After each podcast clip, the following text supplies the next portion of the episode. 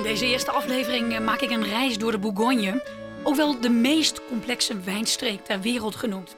Ik ga af in de historie, de cultuur en de geografie en praat met een Nederlandse wijnboer die het aandurfde daar tussen die Fransen een domein te kopen.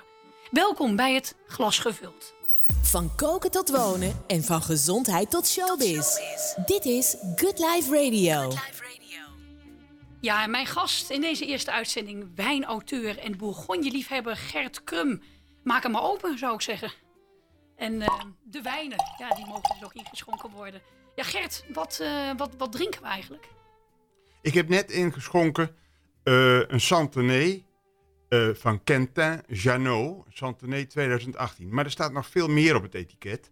En dat is wel meteen heel typisch Burgondisch. Niet alleen de dorpsnaam, in dit geval dus een Santenay, eh, maar ook de naam van de wijngaard. Heel specifiek komt die uit één perceel. Hè? En eh, er zijn maar een paar eigenaren. Het is een, een, wijngaard heeft, die heeft 16 hectare. Clos de Aat. En wat betekent dat nou? Clos is eigenlijk een woord voor eh ommuurd. Daar zit het woord cloître in. Eh, en dat is een ommuurde wijngaard. Vroeger waren de percelen ommuurd, tegenwoordig niet meer. Maar als er nog een paar muurtjes staan, dan mag het nog steeds Clos heten. En aat, dat is een oud Frans woord. Het is eigenlijk een oppervlaktemaat. eh, gebruikt in de landbouw, in de wijnbouw. Eh, en dat is typisch voor, voor, de, voor de Bourgogne. Kom je in de rest van Frankrijk kwam je dat vroeger niet tegen. Dus elke wijngaard heeft zo zijn eigen naam. En dan nog één dingetje op dit etiket wat heel grappig is, wat ook echt Bourgondisch is. Er staat op nummer 507, schuine streep 3000. Dus dat is zo Bourgondisch. Er zijn van deze wijn maar 3000 flessen gemaakt. En wij hebben fles 507. Nou, dat voelt toch hartstikke mooi aan, inderdaad. Ja, maar 3000 flessen. Ja. Ja. in Amerika willen ze hem drinken. In China willen ze hem misschien drinken. In Australië, in Noorwegen. En wij willen hem ook drinken. Dus ja, mondjesmaat is die te krijgen. Hè? Nou ja, en wij Dat- hebben hem dus. En dit zegt eigenlijk al alles wat je zegt. Het is zo ingewikkeld, hè. En er zijn zoveel wijnhuizen. Eigenlijk, en jij zei het zelf ook al, is de Bourgogne... dat is eigenlijk wel licht een soort, een soort wijnjungle. En jij gaat ons een beetje helpen om eh, alles een beetje weg te kappen... en om het te begrijpen. Want het is moeilijk, hè. Ja, het is, het, is, het is moeilijk, maar het is ook heel leuk. Het kan ook heel leuk zijn. Als je een beetje geïnteresseerd bent in de Bourgogne en eh, je verdiep je erin, dan eh, ontdek je steeds meer en vind je steeds beter de weg. En dat is zo leuk. Het lijkt een mijnenveld in het begin, maar eh, er komt een moment, maar je moet wel die interesse hebben, dat je er heel goed doorheen kunt komen en dan bij het doel komt waar je wil zijn. En dat geeft zoveel voldoening. Dat maakt de Bourgogne juist voor de echte wijnliefhebber eh, zo spannend.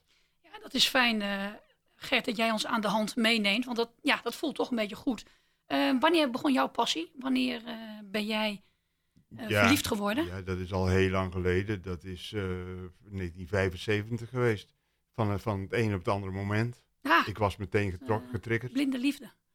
Ja, zo kan het, hè? Liefde op het eerste gezicht. Ja. Ja, In dit geval voor La Bourgogne.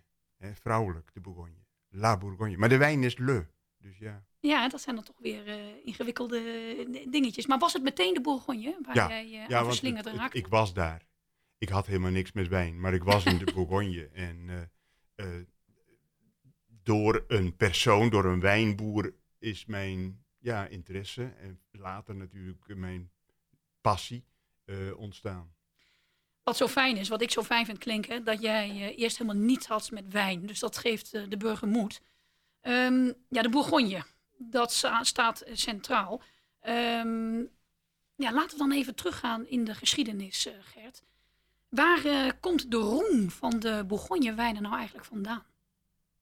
De, de roem van de Bourgogne-wijnen, die, die, dat heeft te maken met de tijd dat er al wijn wordt geproduceerd. En dat is echt gewoon vanaf de Romeinse tijd, de Gallo-Romeinse tijd. Dus eh, zeg maar rustig 2000 jaar. Er zijn opgravingen gedaan in de d'Or die dat bewijzen. Eh, daarna is er een, een, een stille periode geweest. Dat heet dan ook de, de, ik geloof de, de, Zwarte Middeleeuwen. Waar niemand iets van weet. En dat geldt ook voor de Bourgogne. Maar zo van rond de 10e eeuw En dat heeft alles te maken met de uh, opkomst van monnikenorders. De, in de eerste plaats de Benedictijnen en later uh, de Cisterciënses. Is de wijnbouw verder ontwikkeld in de Bourgogne. Uh, dat was eigenlijk onverantwoord. want de mensen moesten. Je kunt niet leven van, van, van wijn. Je moet leven van wat je op het land verbouwt. En graan en brood en noem maar op. Maar de, de monniken wilden wijn. Hè, als ritueel, als bij hun ceremonieën maar, maar ook wel om zelf te drinken. Dus die, ga, die, die deden dat pro deo. Ze hoefden er geen geld mee te verdienen, want ze, ze leefden in een klooster. Ze werden onderhouden door de, door de kloostergemeenschap. Dus het kon ook allemaal. En uh, ja, vervolgens is die wijnbouw dus in de, vanaf de 10e eeuw heeft zich dat ontwikkeld. En toen kwam die fantastische Burgondische tijd van de hertogen van Bourgogne. En dan praten we over de 14e, 15e eeuw. En die veroverden bijna op zijn Napoleons nou ja, de, de, halve wereld, althans de toen kenbare wereld, dus West-Europa. West-Friesland, Medemblik, Enkhuizen, was van de Burgondiërs. Ongelooflijk. Ja, het, het, het, was in echt een groot rijk. En die hertogen, die hebben de wijn gebruikt als diplomatie. En ook, ja, uh, als, als zeg maar showmiddel om te laten zien waar, waar ze vandaan komen. Dus die tijd, die periode is heel belangrijk geweest voor de roem. En dat is doorgegaan in de, in de latere eeuwen, nou, eigenlijk tot de 20e eeuw. En toen maakte de Bourgogne een enorme dip mee. In, na de Tweede Wereldoorlog, ja, eigenlijk al in de 19e eeuw met allerlei ziektes, maar dat gold voor alle wijnbouwgebieden. Maar na de Tweede Wereldoorlog is de Bourgogne zwaar getroffen in de jaren 50, vooral jaren 60, 70, door de, wat ik nu heel brutaal noem, de chemische wijnbouw. De op chemie, chemische middelen gebaseerde wijnbouw. En als er één gebied daarvoor gevoelig is, in negatieve zin, dan denk ik dat dat de Bourgogne is. En hoe deed dat ze intreden? Nou, dat was één grote propagandamachine. Hè, uh, de vaart der volkeren. En daar moest de Bourgogne ook in mee. En uh, er kwam van overheidswegen kwamen er allerlei voorlichtingscampagnes. De Nederlandse landbouw is niet anders. Hè? De enorme intensivering van de landbouw uh, heeft in Nederland ook zijn, zijn uitwerking gehad. En er wordt van alles over gedacht. Nou, dat is in de Bourgogne ook geweest. En in de jaren tachtig was er iemand die daar onderzoek naar deed. En de Bourgogne was heel trots op zijn unieke bodem. Terroir, dat is een typisch Bourgondisch woord terroir, terroir, er zit het woord ter in, ter van bodem, aarde. Uh, uh, die man die deed onderzoek en die kwam tot de, uh, nou ja, zeg maar, onthutsende conclusie dat er in de bodem van de Bourgogne minder leven was dan in de bodem van de Sahara. Nou, nou, wat denken, wat ja. denken wij bij de bodem ja. van de Sahara? Ja. Door je boel. Nou, in de Bourgogne was minder leven in de bodem, in de wijngaardbodems, en dat was te wijten door het gebruik van chemicaliën. Dus uh, insecticiden, herbiciden, fungiciden. Maar dat zal toch niet alleen in Frankrijk zijn geweest? Dat moet dan toch overal ter Overal, zijn maar geweest? de Bourgogne, de Bourgogne is daar, omdat, juist ook omdat ja. ze zich zo voorstaan. Kijk naar deze wijn die wij drinken.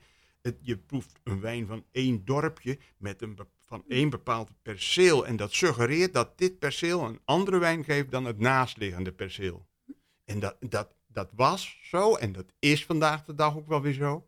En dat is te danken aan het, het leven van bacteriën, uh, zwammen, uh, ook klein, hele kleine uh, microflora en fauna. Dus noem het pissenbedden, regenwormen, muisjes, alles. de temperatuur van de aarde, alles stelt mee in waarom deze wijn net in een nuance anders is dan de, de, de wijn van de buurwijngaard. Maar Gert, vertel nu eens waarom, hoe, hoe zijn de Bourgondiërs eigenlijk weer uit die dip gekomen? Hoe hebben ze het tij kunnen keren? Nou, dat, omdat iedereen klaagde. iedere, iedere liefhebber van een goede wijn, van een Bourgogne, die klaagde. Uh, en bovendien was er een enorm. De concurrentie werd met de dag groter. Zelfs vanuit wat wij dan noemen de nieuwe wereld. Hè dus overzeese wijnbouwgebieden die juist in die periode kwamen opzetten. En uh, een paar wijnboeren die waren het zich bewust. Een paar producenten waren zich toen, naar aanleiding van dat onderzoek van die meneer Bourguignon, die heette toevallig zo, over de bodem eh, in de Bourgogne, die krabde zich achter de oren en zei, jongens, dit gaat de verkeerde kant op. Dat waren er misschien een handvol. Maar die vijf, of die hoeveel dan ook, Ja. die paar, die ze hebben aan het begin gestaan van een soort renaissance.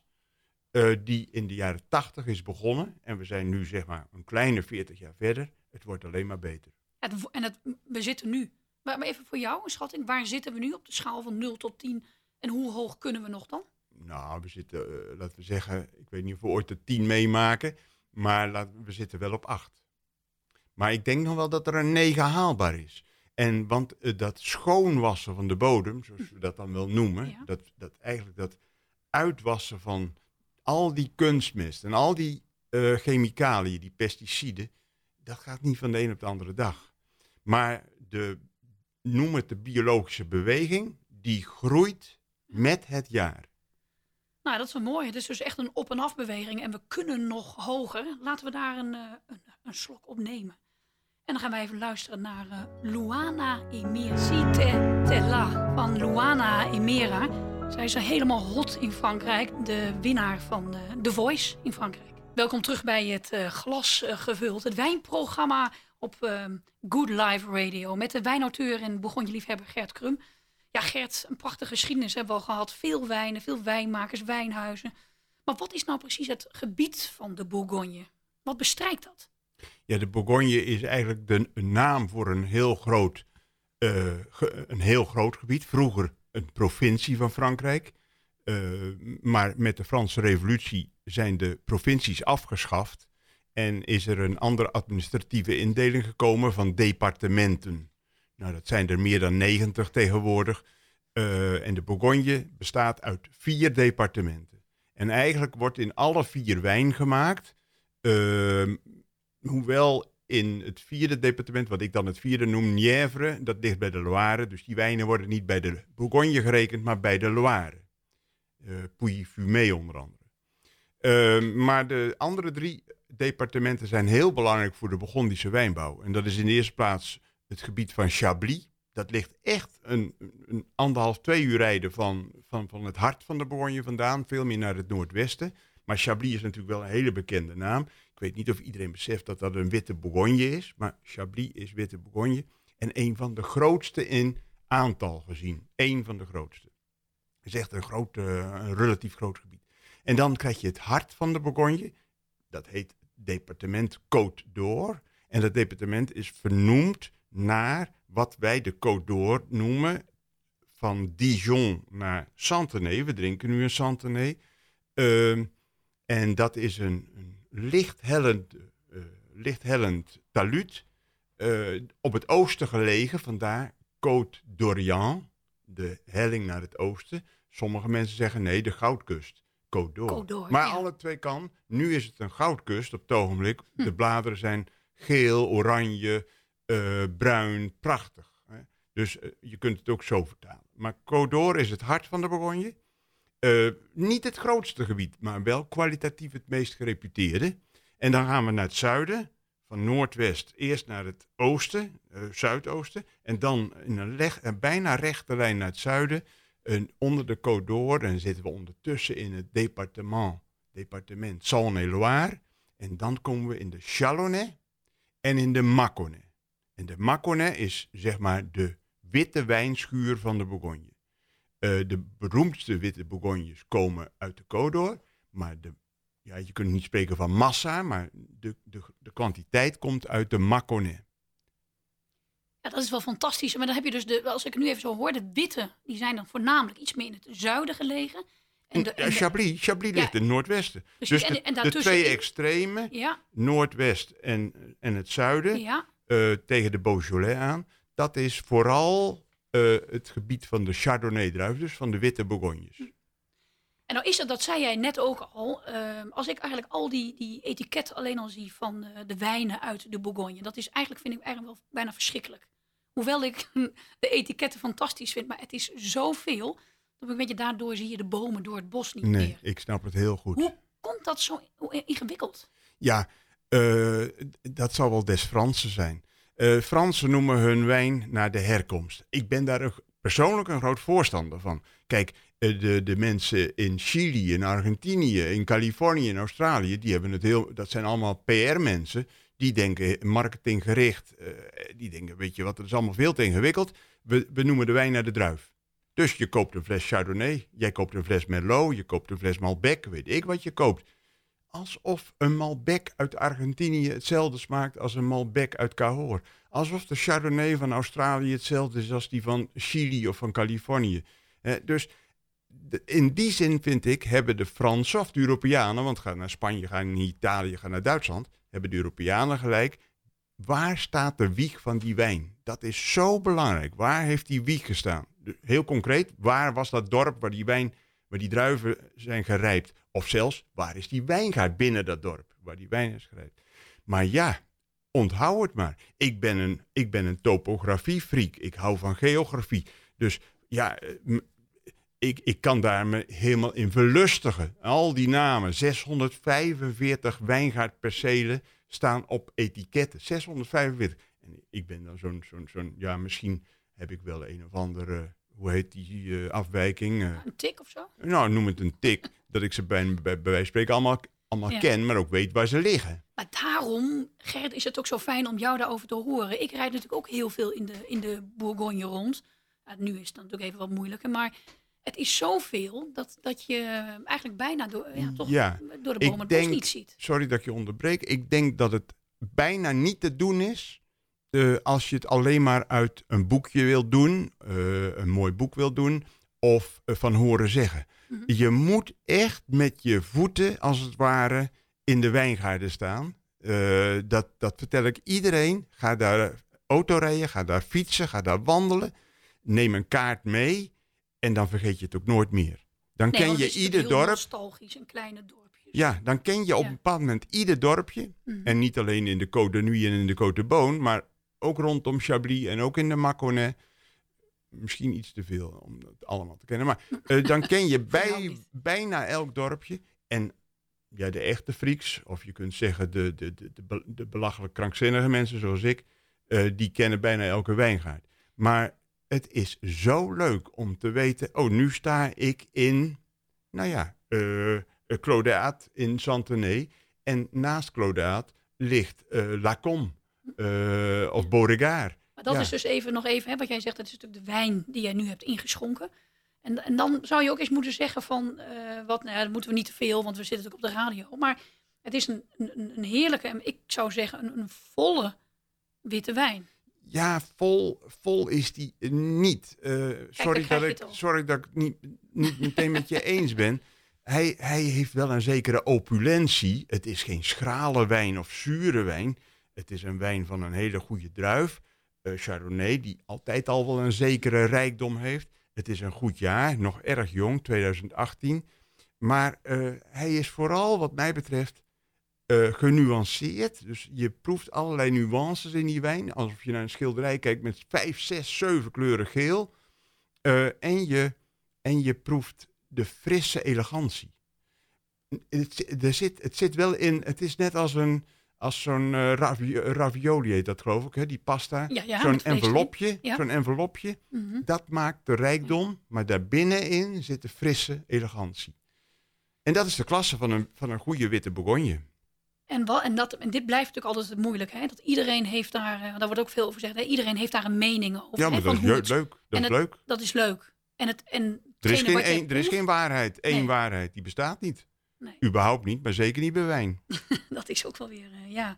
Kun je maar nog even, wat mij nog niet helemaal duidelijk is. Ik weet dat in de Bourgogne is het zo extreem, die, die, die, die versnippering. Die, um, daar zit toch een verhaal achter. Hoe, hoe zit dat nou precies? Waarom dat in de Bourgogne zo zulke kleine uh, wijnvelden zijn. Terwijl het in andere gebieden in de wereld niet zo is. Ja, dat is begonnen in de 19e eeuw. En dat gaat terug op Napoleon. Die heeft de Code Napoleon laten opstellen. En daarin staat onder andere hoe vererving moet plaatsvinden. En vroeger ging alles naar de oudste. En, en vrouwen, meisjes kwamen überhaupt nooit, als, al waren ze de oudste, er nooit aan te pas. En dat was de vooruitgang van Napoleon. Dat had natuurlijk ook te maken met fraternité en egalité. Iedereen krijgt zijn deel. Dus eh, ja, eh, in de 19e eeuw en de 20e eeuw dat, was er nogal wat te vererven. Want eh, nu heb je gezinnen van één of twee kinderen. maar toen waren het grotere gezinnen. En dan werd de taart gewoon opgedeeld in het aantal kinderen. En iedereen kreeg zijn deel. Ehm, dat heeft ertoe geleid dat er wijngaarden zijn. En misschien is wel het bekendste voorbeeld, maar niet het unieke voorbeeld, is Clos de Vougeot. Dat is een wijngaard van 51 hectare, op zich heel groot voor Burgondische begrippen. Met 84 eigenaren. Wat? Ja, en daar zit dus uh, heel veel broertjes en zusjes oorspronkelijk in. Maar die, het is nu alweer de zoveelste generatie. Dus we praten over achter, achter, achterneven. Uh, die uh, samen daar elk een paar rijen stokken hebben. En ja, dat leidt tot een enorme versnippering. Kun je dan nog bedrijfsmatig een, een, een domein voeren? Nee, dat zou bijna niet kunnen. Maar de oplossing is ook grappig. Uh, jongens uit het dorp, die kijken goed naar de meisjes. Niet alleen of ze knap en mooi zijn, maar vooral heeft die vader ook interessante wijngaarden. Nog steeds introuwen? Ja, er, dat, het wordt toch echt. Ik zal het woord bruidschat niet gebruiken, maar dat telt enorm. Als jij uh, van je ouders erft twee hectare of drie hectare, dan is, dat, dan is daar eigenlijk niet van te leven. Dus zoek je een partner. Nou ja, of dus, maar mm vaak zoek je dan een partner die ook twee, drie, vier hectare inbrengt. En dan heb je weer een levensvatbaar domein. En zo, uh, ja, dit is eigenlijk de reproductie die in de Bourgogne plaatsvindt. En dat is tot op de dag van vandaag. En dat is de, de, de, de moeilijkheid. Ja, uh, dat wordt steeds moeilijker. Want de wijngaarden in de Bourgogne zijn enorm uh, in prijs gestegen de afgelopen decennia. En vooral de laatste twee decennia. En er moet meteen afgerekend worden met de fiscus erf, erfbelasting betalen. Uh, en dan, dan, dat geld heb je niet. Dus wat zie je nu gebeuren? Dat uh, iemand die een paar, paar percelen erft, één of misschien wel twee perceeltjes, moet verkopen om de erfbelasting te kunnen betalen, om met de andere perceeltjes door te gaan. En wat je dan nu ook ziet, is dat het steeds moeilijker wordt om het in de familie te houden. En dat het vaak wordt verkocht, niet vaak gelukkig nog, maar wel een trend, aan institutionele, uh, uh, ja, noem het bedrijven, instituten. Of, of, of enorme rijke mensen. Hè? En dat is eigenlijk natuurlijk ook een beetje jammer, omdat dat toch een beetje aan de, aan de cultuur, de identiteit van de Bourgogne. Ja, ja het, het, het, is exact wat jij zegt. De identiteit van Bourgogne die staat in die zin wel een beetje op de tocht. Hm. Overigens is het niet alleen des Bourgogne, maar in de Bourgogne is het wel extreem, die, die versnippering. Ja, die versnippering, zoals jij zegt. Mooi, mooi uh, verteld. Straks gaan we ook even luisteren naar uh, een eigenaar van een wijnhuis, een Nederlander, die zich daar heeft uh, ingekocht. Maar laten we eerst even luisteren naar Jal Asnavour met La Bohème. Good Life Radio. Good vibes. Good music. Good Life Radio. Charles Asnavour met La Bohème. U luistert naar Het Glas Gevuld, het wijnprogramma van Good Life Radio. De gast bij mij, Gert Krum, Bourgogne-liefhebber en expert. En hij vertelde net al dat er heel veel domeins zijn in de Bourgogne. En één daarvan die wordt gerund door een Nederlander, door Roelof Lichtmans.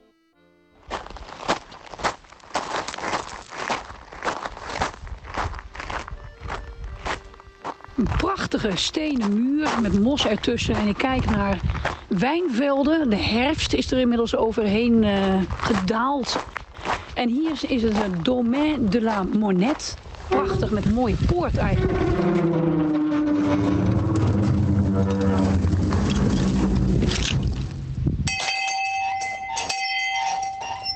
Naast mij staat Roelof. En Roelof, hoe komt nou een Nederlands echtpaar op zo'n prachtig domein terecht? Ja, dat is een geschiedenis die inmiddels bijna 20 jaar teruggaat. Uh, we hebben in het begin van de jaren 2000 ooit uh, met vrienden een vakantiehuis gekocht in de Morvan. Een heuvelgebied hier niet zo heel ver vandaan. En van daaruit is langzaam maar zeker het idee ingedaald van... hé, hey, we zouden daar best wel willen, langer willen zijn, willen wonen. Uh, maar wat ga je dan doen? we zijn te jong om met pensioen te gaan en helemaal geen zin in. Dus iets met wijn dan misschien. We waren wijnliefhebber, dus we zijn bewust gaan kijken in de wijnstreek streek hier in de buurt bij Boon. en ook richting Macon, wat verder naar het zuiden. En uiteindelijk hebben we hier in de Côte Charonnaise bij Mercure een, een oud, een beetje vervallen domein gevonden. Wat te koop was.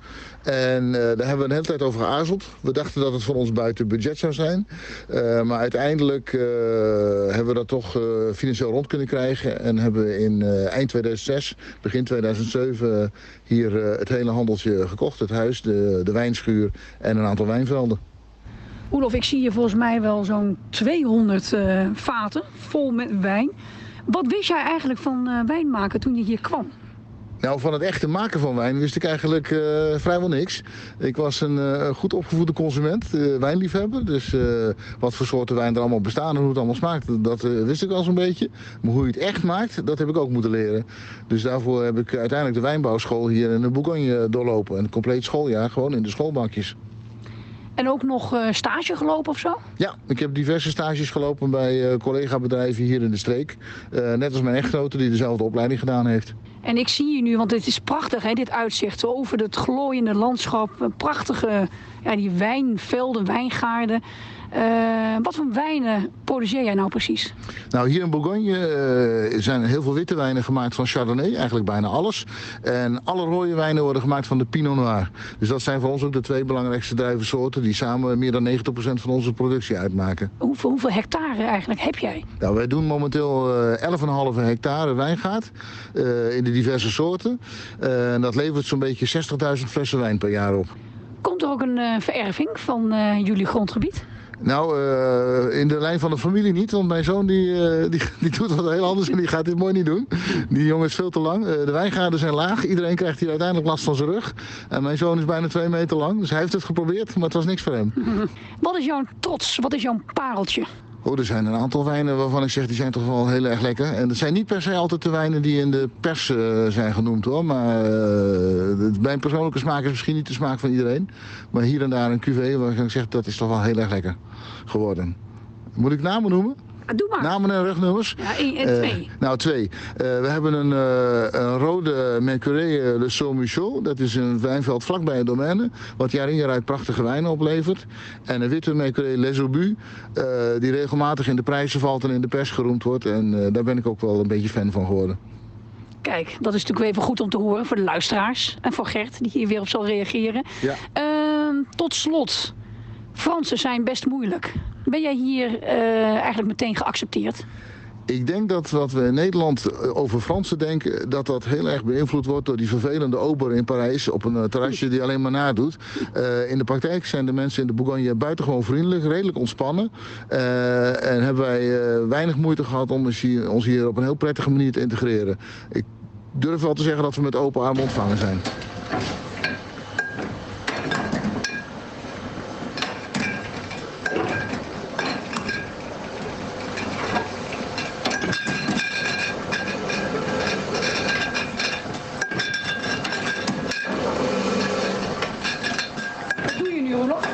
hier bij de Dat is het apparaat wat de etiket op de flessen plakt en de capsules even strak aandraait.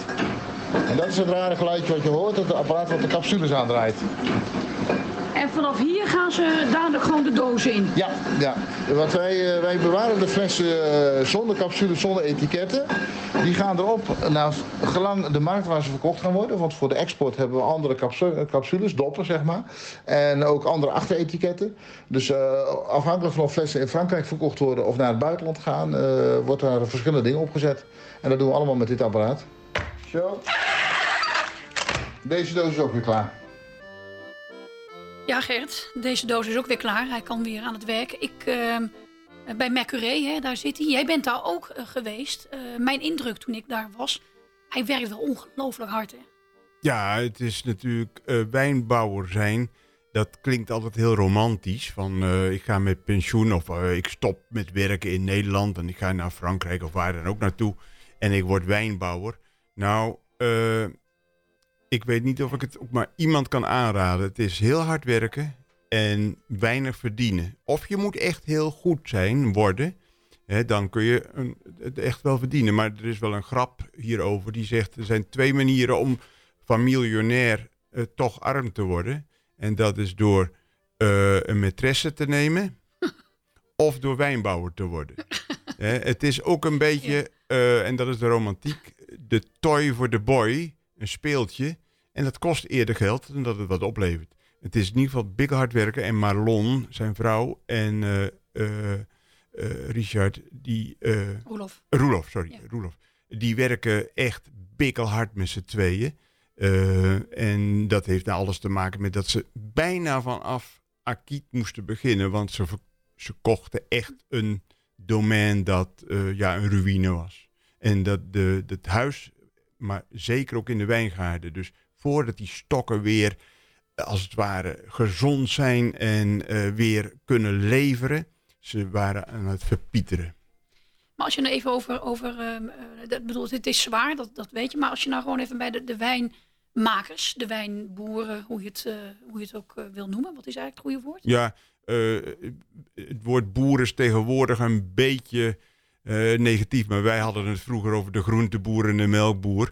En dus ook over de wijnboer. Maar tegenwoordig is een wat politiek correcter woord wijnproducent. Wijnproducent, maar- wijnmaker, wijnproducent. Ja, ja. Want ehm, het is natuurlijk een heel proces. Wat Nou, wijnmaker ben ik tegen hoor. Dat moet je ook. Wijnproducent Ja. gaan we dat noemen. Kijk, eh, wijnmaker, dan, dat is net alsof jij de wijn maakt. Maar de wijn maakt zichzelf ook, hè? Kijk, dan hebben we het weer over het proces. Hè? Want dat is een heel, dat wou ik eigenlijk vragen. Het is een heel complex proces.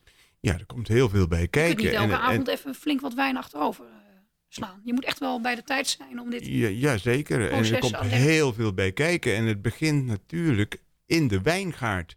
Eh, daarom ben ik een beetje tegen het woord wijn maken. Mhm. Eh, het, gaat om de wijngaardverzorging en die is zo belangrijk. Als jij slecht fruit aan de, aan de stok hebt hangen, zo in, het noordelijke halfrond dan, in september, oktober, tegenwoordig altijd september, misschien zelfs eind augustus, dan kun je daar eigenlijk al geen goede wijn meer van maken. Nou, ik zeg eigenlijk, nee, dan kun je daar geen goede wijn meer van maken. En dat suggereert wel het woord wijnmaker, van dat jij iets, dat jij iets kan maken. Nee, het gaat om het fruit, de kwaliteit van het fruit. Dus het begint in de wijngaard en dat vraagt zoveel tijd en energie. Maar dus, maar even wat, wat ik dan zit te denken. In januari moet je dit doen. In februari. Ja. Je, je zit helemaal volgeramd. Ja, eh, het, er zijn wijnbouwers die, zijn, eh, die beginnen volgende week al met het snoeien. En dan zijn ze dus eigenlijk bezig met, met de oogst van 2021. Hè, er zijn er ook die wachten hoor, tot eh, na de winter. Maar er is bijna geen maand dat het eh, rustig of stil is. En als het al rustiger is in de wijngaarden, want in de winter is het natuurlijk wat rustiger in de wijngaarden. De stok slaapt als het ware. De, de sapstroom is eh, gezakt en de stok die heeft die rust nodig. Dus dan kun je er ook niks in doen in de wijngaard. Maar dan heb je weer werk in de kelders. Want je hebt net een nieuwe oogst die eh, verwerkt moet worden. Hè? Op, op tank of op, of, of, of op vat. En je bent er altijd mee bezig. Dus het is gewoon eigenlijk een ongelooflijk zware baan. Dat kunnen we Het wel is stellen. zwaar werk. Ook Ja. niet alleen heel intensief, maar ook heel zwaar. Maar het levert ook wel weer uiteindelijk genoeg. Nou ja, je verdient er genoeg mee.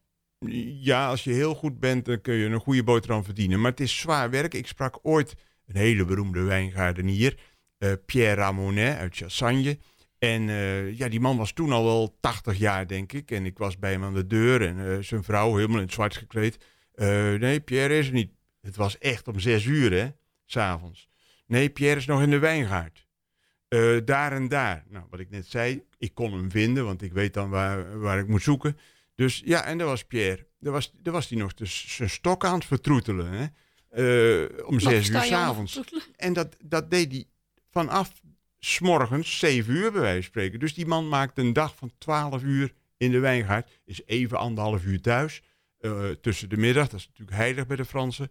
Eh, maar verder is hij in de wijngaard. En toen vroeg ik aan hem, ik zei niet van u op uw leeftijd, maar ik zei wel, hoe houdt u dit vol? Zulke lange dagen. En toen zei hij met een heel blij gezicht, ja, maar ik sta niet aan een lopende band. Ik volg het ritme van de natuur. Ik stop ook wel eens als ik een, mooie, als ik een vogel mooi hoor fluiten. Ja, en dan hou je het Ja, lang dan vol. hou, je, dan hou je dus vol. Een zwaar beroep, maar mooi om vol te houden. Laten we met die gedachte gaan luisteren naar eh, Francesco Palmieri met Oké. Alles wat je leven leuk maakt. De lekkerste muziek. Good Life Radio. Francesco Palmieri met Oké. Je luistert naar het glas gevuld, het wijnprogramma op Good Life Radio. Maar Gert Krum, het glas is leeg. Jij hebt iets nieuws meegenomen. Ja, ik zal je inschenken. Oh, wat ziet het er fantastisch uit. Barst los, eh, Gert. Wat eh, heb je nu van moois eh, ingeschonken? Ja, ik heb nu, we hadden net een witte Bourgogne uit, Santenay, waar overigens 85% van de productie rood is. En, en, en nog maar 30 jaar geleden misschien wel 95% rood was. Wit was een uitzondering daar. De Bourgogne is de laatste decennia een beetje aan het verwitten, zoals we dat wel noemen.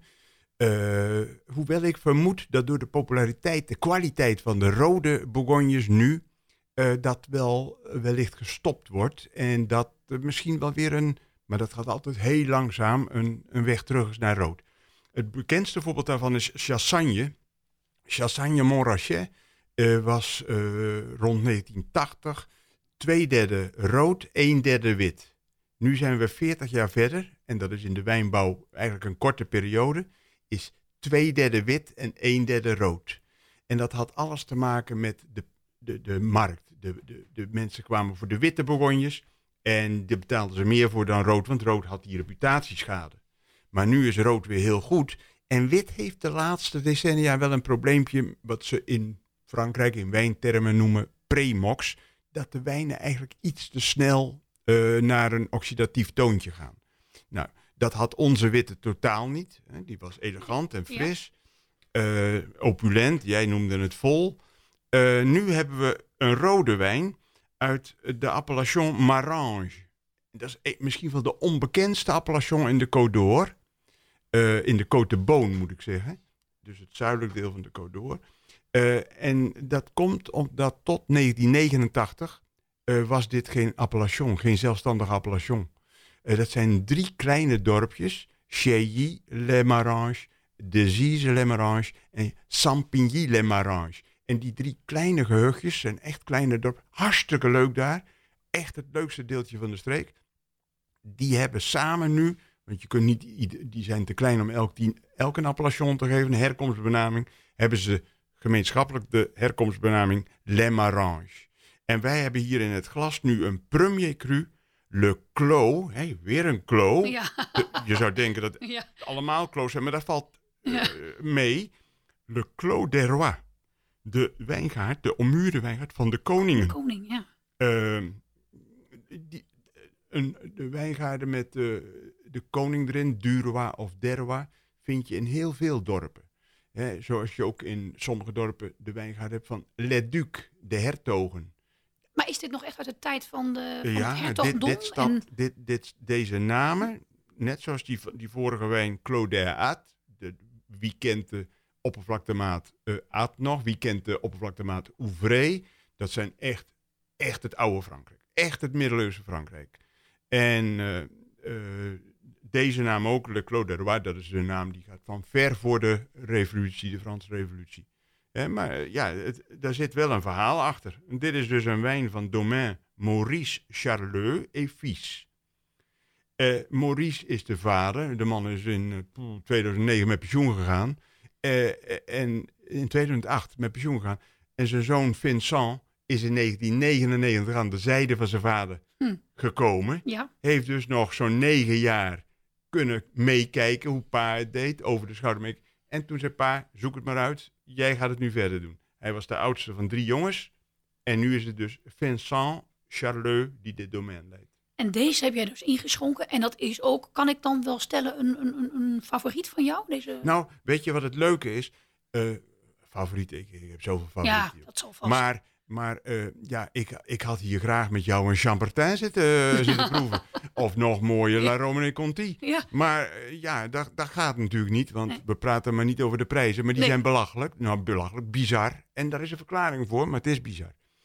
En deze, dit is een rode Bourgogne uit een tamelijk onbekend dorp. Keurige wijn, vind ik zelf. Nu al bijna op zijn hoogtepunt, terwijl die van 2017 is. Nog maar dik drie jaar oud. Maar 2017 is een heel makkelijk eh, toegankelijk jaar om te drinken, te proeven. En het is een heerlijke wijn voor rond de 25 euro. Dus dit kan een Bourgogne-liefhebber met een bierbudget ook betalen. ja, en dit is dus echt prijskwaliteit. Dus echt ja, fantastisch. Echt goed, echt goed. En natuurlijk zijn er nog veel mooiere wijnen met meer diepgang, meer breedte, langere afdronk en al dat soort termen. Maar dit is fantastisch. 25 euro. Poef. Ja, hupsakee, dus dat moet je gewoon doen. Ron, hè? je zit hier mooi aan die knop te schuiven, maar je zit helemaal mee te genieten. oh ja. Wijze les, Ja, eigenlijk. hè? leuk is Ja. dit, hè? Absoluut. Ja, dit is heel mooi. En, en vooral, vooral de passie die je kan hebben dus voor wijnen. Ja, en, dat, en hij zit erbij en hij kijkt ernaar. Hè, van, eh, maar wat ik me wel afvroeg, ik weet niet veel. Jij, nu hebben we het over een. eh, moet ik het even goed zeggen? Jij zei in 2017, hè? Maar als je nu deze hebt in 2018. En dan? Wat is dan je verhaal? Wat is het verschil? Nou, het verschil is dat eh 2015, dat is een jaar met heel warme zomer. Droog, bijna geen regen ook. En dan krijg je dus hele kleine druifjes. En dat geeft een zeer geconcentreerde wijn met een dikke schil op de druiven. Dat zorgt voor een gestructureerde wijn. Eh, om een moeilijk woord te gebruiken, een wijn met een, met een zekere tannine. Nou is tannine nooit zo belangrijk in de Bourgogne als in Bordeaux of in de Rhône of in Italië. Eh, maar eh, daar zit een bepaalde hoeveelheid tannine in. En dat geeft structuur aan de wijn. Eh, beet, spieren, muskels. Eh, 2016 is eigenlijk speelser. he- heeft prachtig fruit. Is iets frisser. 2017 hij had dan een, ja, voor witte wijn prachtig. Want witte wijn moet van zijn zuren hebben. Maar voor rode wijn misschien net even in vergelijking met 2016 en 2018 en 2015 en 2019, 2017 aan de lichte kant. En dat betekent dat ze toegankelijker zijn. 2017 was niet zo'n zomer als 16 of 18 of 19 of 20. En de wijn, de druiven zijn dan ook de verhouding vaste stoffen, eh, jus, sap, is anders. En dat geeft de wijn een grotere toegankelijkheid. Dus hij is nu eigenlijk al zo lekker. Hij is op zijn fruit gemaakt. Dus niet op de lange termijn, maar jong drinken op zijn fruit. Dat je niet dat je tien jaar wacht. Oh ja, ja ik ruik nou het sous-bois. Het sous-bois, eh, de champignon. Ja, nee, dat is, dat is voor een ander type wijn. Dit drink je gewoon goulian, zeggen de Fransen. Dit is zo verleidelijk lekker. Door zijn sap en door zijn fruit. Klinkt toch fantastisch, hè? Ik geloof toch, ik hoop in ieder geval dat alle luisteraars gewoon een glas van die heerlijke, in ieder geval Bourgogne wijn nu bij de hand hebben. En dan nu achterover gaan liggen en luisteren naar, ach, u kent haar wel, Carla Bruni. Alles wat je leven leuk maakt. De lekkerste muziek. Good Life Radio. Carla Bruni, heel even, en eh, niet in het versier geweest van zingen, want ze stond ook aan de zijde van Sarkozy. Maar nu is ze weer los, heeft een eh, LP gemaakt. En eh, dit is een Kelke Jose. Gert Krum, ja, ik heb met eh, eigenlijk aan je lippen gehangen tot nu toe. En dan probeer ik nog even weer voor mezelf het weer overzichtelijk te maken. Als je nou gewoon stelt, hè, als je gewoon, waar komen de druiven vandaan? Of je hebt de producent die het hele proces moet begeleiden. Waar zou ik dan meer op moeten letten? Of moet ik op allebei evenveel letten? Ja, je moet op beide eh evenveel letten, zou ik zeggen. Maar de meeste mensen denken eh, dat de herkomst van de druiven eh, het belangrijkste is. En dat is ook natuurlijk heel belangrijk, want je hebt verschillende kwaliteiten wijngaarden. Maar je hebt mensen, omdat er zoveel wijnbouwers zijn in de Bourgogne, lopen er ook nogal wat beunhazen tussen. Mensen die denken, oh, Meursault is een beroemde naam, verkoopt altijd wel. Eh Boon is een beroemde naam, de winkels liggen vol. Ik verkoop mijn wijn wel, ik ga zelf eh, aan de rand van het zwembad liggen. Eh, nee, dus je hebt beunhazen, je hebt serieus werkende mensen en je hebt artiesten. Ja, en de, de wijnen van de artiesten die het gewoon in hun vingers hebben, ja, die zijn natuurlijk fenomenaal. Die zijn vaak ook heel duur. Maar je moet dus echt niet alleen letten op de herkomstbenaming. We hebben hier vanavond een witte Santenay en een rode Marange gehad. En je kunt een, Jean, een Gevrey bestellen of een Pommard of een Volnay. Nee, even belangrijk, misschien nog wel belangrijker is, wie heeft die wijn gemaakt? Want niet alle Volnays hebben dezelfde kwaliteit. Niet alle Pommards hebben dezelfde kwaliteit. Dus als je de beste producenten weet te vinden, dan ben je twee keer zo gelukkig. Dat klinkt mooi. Maar die beste producenten vinden, dat is dus echt... Ja, je moet dus niet alleen maar wat we eerder bespraken, Ja. al die eh, dorpen kennen en zo, maar dan moet je ook nog weten wie doet ertoe in het dorp. Ja. En dan maakt het het extra moeilijk, want in een dorp als Fon Romanée zijn wel vier domeins met de naam Gros in, eh, in, de, in de benaming van het domein. In Meursault heb je vijf boezeroos. eh, Chassagne is bijna, nou, ik, ik, weet, ik weet niet hoeveel Morees daar wonen. Eh, je, je hebt in Bonen een huis, dat heet Bouchard Perefice. En je hebt Bouchard René. Maar je hebt ook kleine domeines met de naam Bouchard. Nou ja, het, het- je moet echt dus wel studeren. En, en het vraagt tijd. Maar uiteindelijk is de beloning groot. Kijk, en dat is mooi. Dat is heel mooi gezegd. En het is gewoon fijn om iemand erbij te hebben zoals jij, die er gewoon veel van af weet. En die je gewoon daar eh, een beetje ook in kan begeleiden. Ehm, iets anders wat ik jou hoorde vertellen, en dat vond ik wel heel erg mooi. Er is een, een, een speciaal Bourgogne-lied. Nou, kijk, de, de Bourguignons, de- eh, het, het savoir-vivre, dat kennen zij, hebben ze als het ware uitgevonden. Hè? Eh, eh, we hebben ook een, een gezegde van, eh, die leeft als een Bourgondier. Nou, dus in de Bourgogne is, vreugde, is het even een vreugde. En dus ze zingen veel. En nou is er een koor, dat heet Le Cadet de Bourgogne. En die, die, ja, die hebben platen gemaakt, cd's gemaakt en zo. Nou, Die, eh, die zingen de prachtige wijnbouwliederen. En er zijn zoveel mooie wijnbouwliederen. Eh, ik kan ze een beetje meeneurien of mee... eh, nou ja, hè, maar echt uit mijn hoofd kan ik ze niet zingen. Maar eh, eh, Les Joyeux, Les Enfants de, de la Bourgogne... Dat is echt Alles wat je leven leuk maakt. De lekkerste muziek. Good Life Radio. Gert Krum en iedere wijnproducent in de Bourgogne, die kent dus dat nummer en kan dat eh, volle borst kan meezingen. Ja, en zij kunnen dat ook beamen. Hè. Je, suis, fier d'être bourguignon. Ik ben trots een bourguignon te zijn. Ik moet altijd zeggen, je suis fier d'être un demi-bourguignon. Prachtige, prachtige woorden, Gert Krum. Ik wil je heel hartelijk danken voor je komst, voor je verhalen en voor het gevulde glas. Het waren heerlijke wijnen. Ik heb genoten eh, van je kennis en van de wijn. En dit was eh, glas gevuld. En eh, wat mij betreft heel graag weer tot een volgende keer. Van koken tot wonen en van gezondheid tot showbiz. Dit is Good Life Radio. Live Radio.